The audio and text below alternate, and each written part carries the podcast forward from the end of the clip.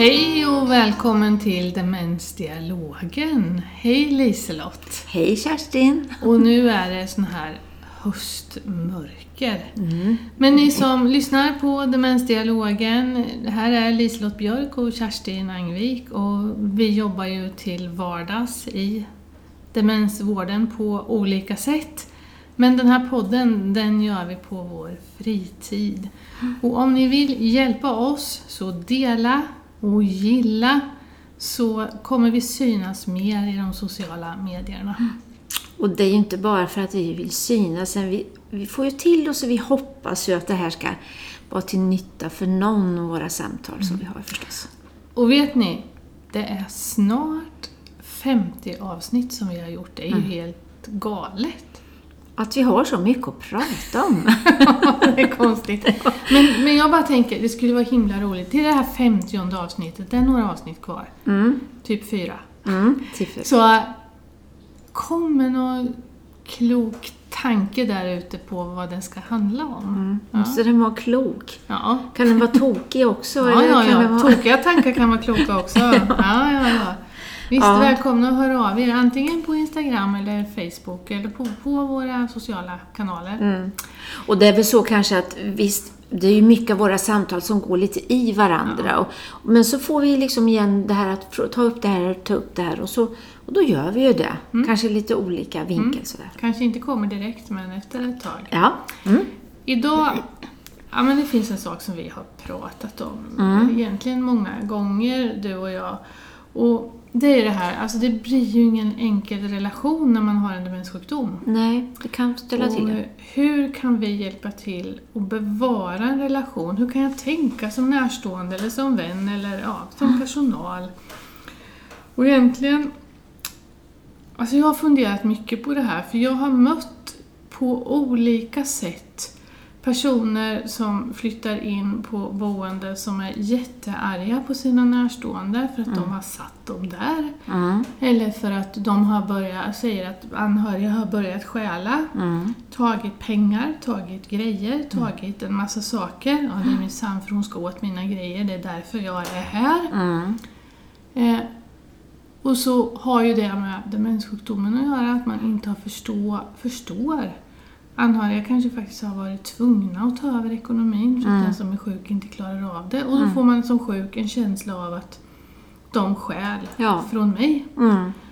Då har jag också varit med om när personal börjar fundera på, och det är klart vi ska fundera över det här, så att, för det kan ju vara rätt det personen säger också. Mm. Men jag har varit med om där personal då säger att ja, men han vill inte se sin fru längre. Han vill inte se sin make längre. Mm. Nej. Eller hon vill inte se sin make längre. Hon vill inte att han kommer hit. Hon vill skiljas. Det måste vi ju hjälpa henne med. Mm. Ja. Och så i nästa stund, när maken kommer, så blir hon översvallande glad. Mm. Och verkligen, det syns hur mycket hon tycker om sin make. Mm. Hur tänker du runt det här? Mm. Och då ställer du frågan till mig, Kerstin. Men det jag, jag känner ju igen det här som du säger. att eh, Och det jag tänker är liksom det första att vi inte är så snabba att bara lyssna på det här faktat. Vad är det personen säger? En, kan vi liksom försöka tränga oss in lite bakom? Är det en symbol för någonting som du säger att man upplever att jag får inte hand om pengarna och då upplever man att någon stjäl de här längre? Eller det här som är också vanligt att man kanske upplever att min partner är otrogen eller att någon annan. Att det kanske inte är liksom exakt det här faktat, än det står för någonting annat istället. Jag brukar ibland prata när jag träffar anhöriga att jag har, och det är på grund av erfarenhet, att jag har den upplevelsen att de här som man tycker allra mest om, som betyder allra mest för en, som man kanske känner egentligen allra tryggast med också, ibland är det de som får just det här skulden, den här ilskan. Och för att det kanske man, det är mot dem man orkar, vågar, kan uttrycka det här. Det kan man ju tänka som frisk. Ja. Jag har varit på jobbet idag. Det har varit alldeles för mycket. Mm, Eller det har varit något som har hänt som är skit. mm, På jobbet har jag upprätthållit min profession. Och hur är det när du kommer hem till din man då? Då är jag inte jättesnäll. Ja, men då är det ju han som får ta det. Ja, någonstans måste man ha Fast ut det här. det är ju inte egentligen menat mot honom. Nej, vi, vi får säga att han lyssnar på det här avsnittet. Så. Jag tror det är flera av oss som kan känna igen oss i så, det. så tänker jag att det är ju med de som har en demenssjukdom och som bor på ett boende Mm. Och som upplever att det är ett kaos i livet just Ja. nu. Och Kerstin, du och jag skrattar lite så här men vi skrattar ju verkligen inte åt Nej. alla de människor vi möter och har mött som står inför det här, för det är ju en så stor sorg Mm. för många och en förtvivlan skulle jag säga. Att, Hur ska jag göra? Jag får inte komma till och hjälpa, jag får inte besöka, han eller hon blir arg på mig. Mm. Det är fruktansvärt svårt. Personalen blir misstänksam Mm. mot mig, så kan det också bli. Mm. Att jag som make borde nog hålla mig hemma för hon vill inte ha dig här. Nej, nej. Men hur skulle du, om du tänker så här, första som du sa det här att, att någon som har en partner då säger att jag vill inte att han eller hon kommer hit, jag vill skiljas. Eh, hur- skulle du agera i det läget då? Ja, men jag tror att alltså, man måste ju prata med båda. Man må, och den som är sjuk så här, behöver man ju se när den träffar den här partnern. Mm, Hur är de tillsammans då? mm, Jag tror att det där ligger en hel del. mm, Och som det här jag beskrev när jag såg en person då som, som blir så glad när han ser sin fru. mm, Då står ju det här för något annat. Mm. Då behöver vi stötta och hjälpa i det här. mm, Sen kan det ju finnas, alltså man kanske har haft en superdålig relation genom livet. Man, man blir bara frustrerad när man träffar sin respektive. Och då behöver vi också ta in annan hjälp. Ja, så vi inte vi blir de här domarna eller Mm. vad man ska göra och inte göra. Har jag rätt att bestämma det här? Nej, precis. Har boendet rätt att bestämma det här? Mm. Och precis som med mycket annat, annat, vilka relationer ska vi lägga oss i? Mm. Vad har vi rätt att lägga oss i och inte? Vi ska ju förstås, om, man är om personal på boende, dagverksamhet, vad det är, då har vi ju ett ansvar att försöka värna om den person som vi ska ge stöd åt. Det är Mm. vårt pedagogiska ansvar. Men vi ska ju inte liksom, reda upp och gå in i relationer när vi inte vet vad det handlar om. Sen kan det vara tvärtom. Ja, ja, och Jag ser en person framför mig som eh, längtade verkligen efter sin man. Mm. Och när mannen kom var hon så arg. Mm. Alltså det var ingen bra. Och han kände sig rädd för henne. Mm. Eh, han ville inte vara inne i hennes lägenhet. Det hade ställt till sig måste jag säga nu i, i pandemin som vi har nu. För, för det blev så att när han kom så kom han när vi åt eller fika, Mm. gjorde någonting så de satt med i det här gemensamma. För då gick det jättebra. Ja. Då var hon jätteglad. Mm. Men så fort de gick in, för hon trodde att han hade en annan. Var det det tror du som var anledningen till att hon blev arg? Hon anklagade honom för det så fort de var ensamma. Ja. Så någonstans satt en sån känsla. Och då, nu känner ju inte jag henne, men, men jag, tänker, det, jag tänker många gånger att det är ett sätt att göra det begripligt för varför bor jag här och du någon annanstans? Och den enda logiska förklaringen är att du vill inte bo med mig, du har någon annan eller du har något annat för viktigare för dig. Det tänker jag att det är så också. Just den här kvinnan så var det faktiskt så att när hon och jag hade suttit vi kunde, jag kunde prata och jag kunde ställa frågor och, och bekräfta henne och ja, men vi pratade om hur saker och ting var. Och så efter en stund så kunde hon säga, men vet du, jag bor ju här för att, och så pekade hon på sitt huvud, Mm, för det här. mm, Och då kunde vi prata om demenssjukdomen. mm. Men hade jag öppnat med att prata om demenssjukdomen så var ju jag dum i huvudet som Ja. trodde att hon var dum i huvudet. Mm, precis. Men Men pratade hon med dig om att hon tyckte om sin make, hon saknade och ja, älskade? ja. gjorde hon. Och då tänker jag att det, bor, det behövde han säkert få höra. Mm. Och varför jag frågar så här är för jag tänker att, att vi, med tanke på det här att bevara relationer, att vi är måna om när det är så där. Mm. För det är ju inte så ovanligt. Nej. Men om man tänker vi då som vårdpersonal, att vi är måna om att berätta att när hon pratar om dig så är hon så kärleksfull, hon pratar om och tycker om dig och då, om det är partner eller om det är barn så upplever jag att man många gånger behöver få höra det. Mm. Att hon är så glad och hon ja, berättar med stolthet över dig eller vad det är för någonting. Mm. För att det kanske är en helt annan bild man själv ser när man kommer på besök. För han skämdes ju över hur hon... Dels var det jobbigt, jättejobbigt att hon var så mot honom. Ja. Och arg. Mm. Den här arga kvinnan.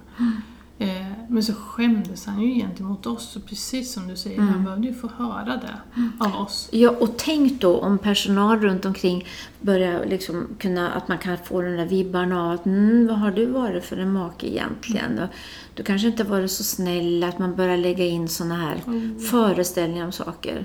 Mm. Ännu svårare att vara anhörig då. Mm. Vet du, jag kom att tänka på ett samtal jag fick för en tid sedan. Eh, Det här var en... eh, Han hade sin bror på ett boende. Mm. Eh, De har haft en väldigt nära syskonrelation i, i alla år egentligen. När brodern hade två vuxna barn också. Men egentligen så, det här samtalet nu då rörde sig om att när jag, så fort jag kommer och träffar min bror numera så säger han, äh, "Nej, nej, nej, var, varför, varför kommer du hit? Du kan inte vara här. Jag har en dålig dag idag, du går inte, kom, du kan inte vara här, gå, gå. Eh, och han sa att det, det känns så jättejobbigt för jag vill ju inte bara släppa honom. Jag vill ju fortsätta ha en relation. Mm, mm. Men, och, och jag försöker att vara, att jag inte och säga, Ja men med fika, men vi behöver inte fika nu. Jag lägger det här fikat här så får vi se om du vill ha det sen. Och jag bara är här en stund, jag går snart igen. Och verkligen försökte så. Men bara, nej, nej, nej, kom inte hit, kom inte hit. Och sa, vad, vad ska jag göra? Varför blir det så här vi som har stått så varandra så nära? Vad rådde du honom till då? Jag, jag har ju ingen sanning i det förstås, i facit. Men jag, när vi hade samtalat en stund så, så pratar vi om det här att kan det vara så att ni har varit så tajta, ni har gjort samma saker mycket, ni har rest, ni har gjort trevliga saker ihop. Att nu när du kommer, du är frisk och stark. Den här personen var förhållandevis ung, under 70 år. Och eh, du kommer med din bil och någon gång har ni på utflykt. Kan det väcka liksom så här känslor i din bror att jag har inte det där livet längre. Och nu kommer han och, och så ska vi prata om saker och det, alltså det blir på något sätt kravfyllt om du förstår vad jag menar. Att det, inte för att han, han vill ju verkligen inte ge honom några krav men omedvetet så tror jag att den här brorsan som var sjuk kände de här kraven. Så det vi samtalade om då sen, eller försökte komma, gemensamt komma fram till, kanske är så att kan ni ses på någon annan plats? Kan ni ses ute i trädgården? Kan ni bara tänka att vi går ut och går och vi behöver kanske inte ens prata. Ni bara, ni bara finns där tillsammans. Och, så, och då, då säger han också, jag, jag har ju liksom mycket kontakt med hans barn och de tycker också det är svårt att, att vara där. Och då sa vi, ni kanske skulle prova med att ni, alltså någon av barnen och han, brodern, går dit gemensamt. Att ni kanske då har med i fika eller vad, hur ni nu vill umgås. Ni tar en fika, ni sitter och pratar med varandra. Men inte påkallar så mycket uppmärksamhet från den som, brodern som är sjuk. Han får vara med i en gemenskap fast han behöver inte prata. Han behöver inte ge sig in i det man inte vill. Nej. Om han nu kommer och söker upp kontakt, naturligtvis så bjuder man ju in och säger någonting. Men det kan ju kännas väldigt kravfyllt att nu ska, får jag ett besök och nu förväntas jag vara på ett speciellt sätt. Många som är sjuka kan ju inte tänka så, men man kan känna så. Det har jag också, alltså det här var en kvinna. För normalt så, du och jag säger ju att vi ska veta om levnadsberättelsen, vi ska plocka med en massa foton, vi ska ta Ja. med grejer Mm, som är igenkända. mm, Och här hade verkligen anhöriga gjort det. De Mm. hade tagit med fotoalbum, de hade gjort i ordning lägenheten superfint. Och det var så stressande för Mm. Ja. henne. Och när hon tittade i, i albumen så blev hon bara förstörd och sa "Ah, Titta, jag kan inte göra det här längre och Nej, det där klarar nej. jag inte och det där klarar jag inte. Varför har jag de här grejerna? Jag klarar ju inte av att vara i det här livet längre. Mm. Sa hon. Ja, och vet, du, det var spännande att du sa det här, för att just det här så beskrev den här brodern också att jag har ju haft med album, för det har jag fått till mig och pratat om, men hon, hon verkar inte, han verkar inte uppskatta det här, det vi har gjort tillsammans så, med våra sambor och alltihopa och, och barnen. Men det, enda som funkar det är när jag har med mig hunden och ibland har jag haft med en bild på hunden. Alltså den här, Mm, mm. inte den som är sjuk men broderns, Mm, mm. den friska broderns hund. Och då ser han glad ut och kan prata om det. Så vi landar lite i det också att det kanske behöver vara mer neutralt så att det inte väcker de här känslorna av att det där livet har jag inte, eller ska Mm. jag komma ihåg det här? Hur skapar vi det som är kravlöst? Ja, Som stimulerar fast ändå är kravlöst. För den här kvinnan blev det faktiskt så att man tog bort en massa saker. ja okej. Och sen skalar man av. Det såg ut som ett hotellrum, Mm, men hon trivdes. ja, Och man tog bort allt det här som var... Hon hade saker hon gillade. Hon gillade blommor. mm, Men man hade inte bilder på blommor från hennes trädgård. nej. Man hade bilder på blommor. Neutralt. Mm, Man hade inte... Hon har också gillat att baka och greja. Men man hade inget som förknippades med de recept hon gjorde hemma. nej. Utan det var det som var nytt nu. Mm. Och då helt plötsligt så funkar det. Ja.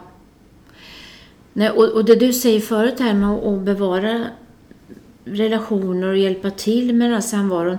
Som regel är det ju väldigt bra med de här igenkända och Alben har något att samtala om.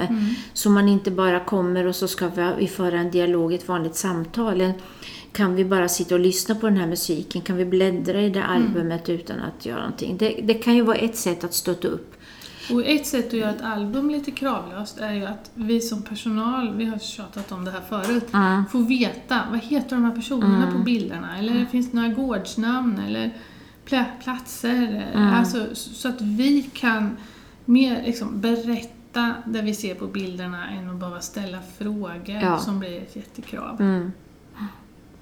Men jag, jag tror också att vi behöver bli ännu bättre på, och när jag säger vi menar jag omsorgspersonal då och främst på boende, att fråga efter hur, hur upplever du när, som anhörig när du kommer hit eller om du inte har möjlighet att vara här, det kan bo i ett annat land eller inte har möjlighet av andra anledningar. Hur, hur vill du? Eh, Eller något du saknar, kan vi hjälpa till på något sätt? För Jag tänker det här med telefon kan ju ofta bli svårt i samband med sjukdom. Men som vi har pratat förut, även om man är svårt sjuk, att bara få hjälp att bli, att man ringer upp och den, den som är anhörig kan prata och prata och prata och jag står där bredvid som personal och berättar att hon ler nu, hon ser glad ut. Även om man inte kan samtala, kan ju ge en trygghet. När du säger det så har jag träffat en person som kommer från ja, Iran, Irak någonstans. Mm, och som har anhöriga i andra länder. mm, Och den här personen mår rätt så dåligt. Men varje dag vid en viss tid på förmiddagen ringer han till sin bror. mm, Och det har liksom blivit så positivt. Han är oerhört svårt sjuk, men nu, han klarar telefonen. mm, När han får hjälp att ringa upp. Och han blir så glad. mm. Och den glädjen sitter kvar länge. Mm. Ja, så det är de här små detaljerna ändå som kan hjälpa till att bevara det här. När du säger det här med telefon så träffade jag en annan, eh, en dotter var det, och hon hade sin brorsa i London tror jag det var. Och hon sa att mamma kan ju inte samtala, det är jättesvårt för honom att, att upprätthålla relationen och prata. Men jag brukar ringa upp honom när jag är hos mamma. Och så sätter jag telefonen på högtalare, sen pratar han och jag. Ibland säger mamma något ord och hon ser väldigt nöjd ut att hon hör oss småprata. Mm. Och det tror jag också blir kravlöst och kanske för den här brodern att han känner att ja, ja, men jag, jag, hon finns där, jag hör något säger hon ibland och jag finns med då. Jag skulle vilja backa då, för du sa det här liksom, att man kan sätta sig och småprata anhörig och en personal kanske, eller två vänner sätter sig och småpratar lite hos den som är sjuk. Mm. För jag har också jättegod erfarenhet av det. Sen gäller det att ha fingertoppskänslan, att inte vi börjar prata om Nej, den Precis. som är sjuk, utan småpratet verkligen handlar om ja, men lite vardagsprat, sånt här som Mm. den som är sjuk kan förstå. Och det andra tar vi någon annanstans. Ja. Nu, tankarna går hit och dit. Vet du, jag tänker också där, ibland kan det ju vara så att jag känner inte igen dig i den ålder du är nu. Om du skulle vara mitt barn till exempel. Eh, som är den 50-60-åriga kvinnan. Men när jag, om jag ser en bild när du är i 20-årsåldern, då kommer jag ihåg dig. Och där har jag också varit med om att jag har en bild på mig själv med där jag upplever att mamma känner igen mig. Hon, hon tänker att jag är i den här åldern. Och nu vet jag inte hur jag ska illustrera men säg att jag har den där bilden med mig så sitter mamma och jag och tittar på bilden av mig när jag är 20-åringen eller vad det nu är. Mm. Och att då prata om den här 20-åriga Liselott med mm. mamma då kan jag få till mig som dotter att mamma känner igen mig, hon tänker på mig, hon kanske till och med säger att hon gillar mig. Fast hon känner inte igen den här kvinnan nu, mm. som är 60. Mm. Det har också varit ett sätt att kunna få tillbaka det här att mamma vet vem jag är, hon kommer ihåg mig fast hon kommer inte ihåg att jag ser ut så här nu, att det är mm. den här åldern. Det kan ju vara ett sätt att känna mm. att jag har den här relationen mm. kvar. Mm. Och det kan ju vara partner också naturligtvis. Och ha en fingertoppskänsla för vad som funkar och inte funkar. Ja. För det kan ju vara åt andra hållet också. Mm. Så det, man, man, behöver känna in att ja, men här får vi göra på det här sättet. Ja. Och det du sa från början att vad, hur ska vi göra just med den här personen? Kan, frågar vi efter, kan vi göra något som underlättar? Mm. Eh, att det finns något positivt att göra. Som du sa, den här att vi, de kunde umgås när man var tillsammans med andra. Mm, mm. Då blev det bra. Att verkligen bjuda in till det också, mm. så man inte tycker varför är man här? Sitter med oss, de borde väl vara på rummet och vara för sig själva. Så. En, mm. Vara öppen med mm. det. Eller ha ett öppet sinne mm. för det också.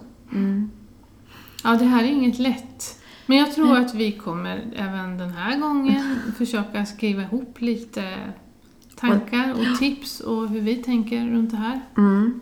Och förstå att det är en del av vårt uppdrag också, om vi nu är omsorgspersonal. Att mm. Hur kan vi hjälpa till med det här? Och om du som lyssnar är anhörig, eh, skulle man önska att våga lyfta det här, berätta hur du känner och upplever mm. om du blir anklagad eller vad det nu är, så att vi kan hjälpas åt. Mm. Och jag hoppas att du har en bra kontaktman där ute och du som är mm. kontaktman att skapa en bra relation med anhöriga för mm. att de ska våga prata mer. Ja. Mm. Men som vanligt några tips på Instagram och vår Facebook-sida och eh, ja. Och nästa gång vi hörs, då är det jul.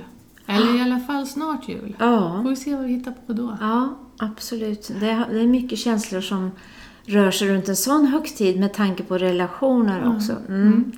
Ja, men tack för idag. Ha det så bra. Mm. Hej då. Hej då.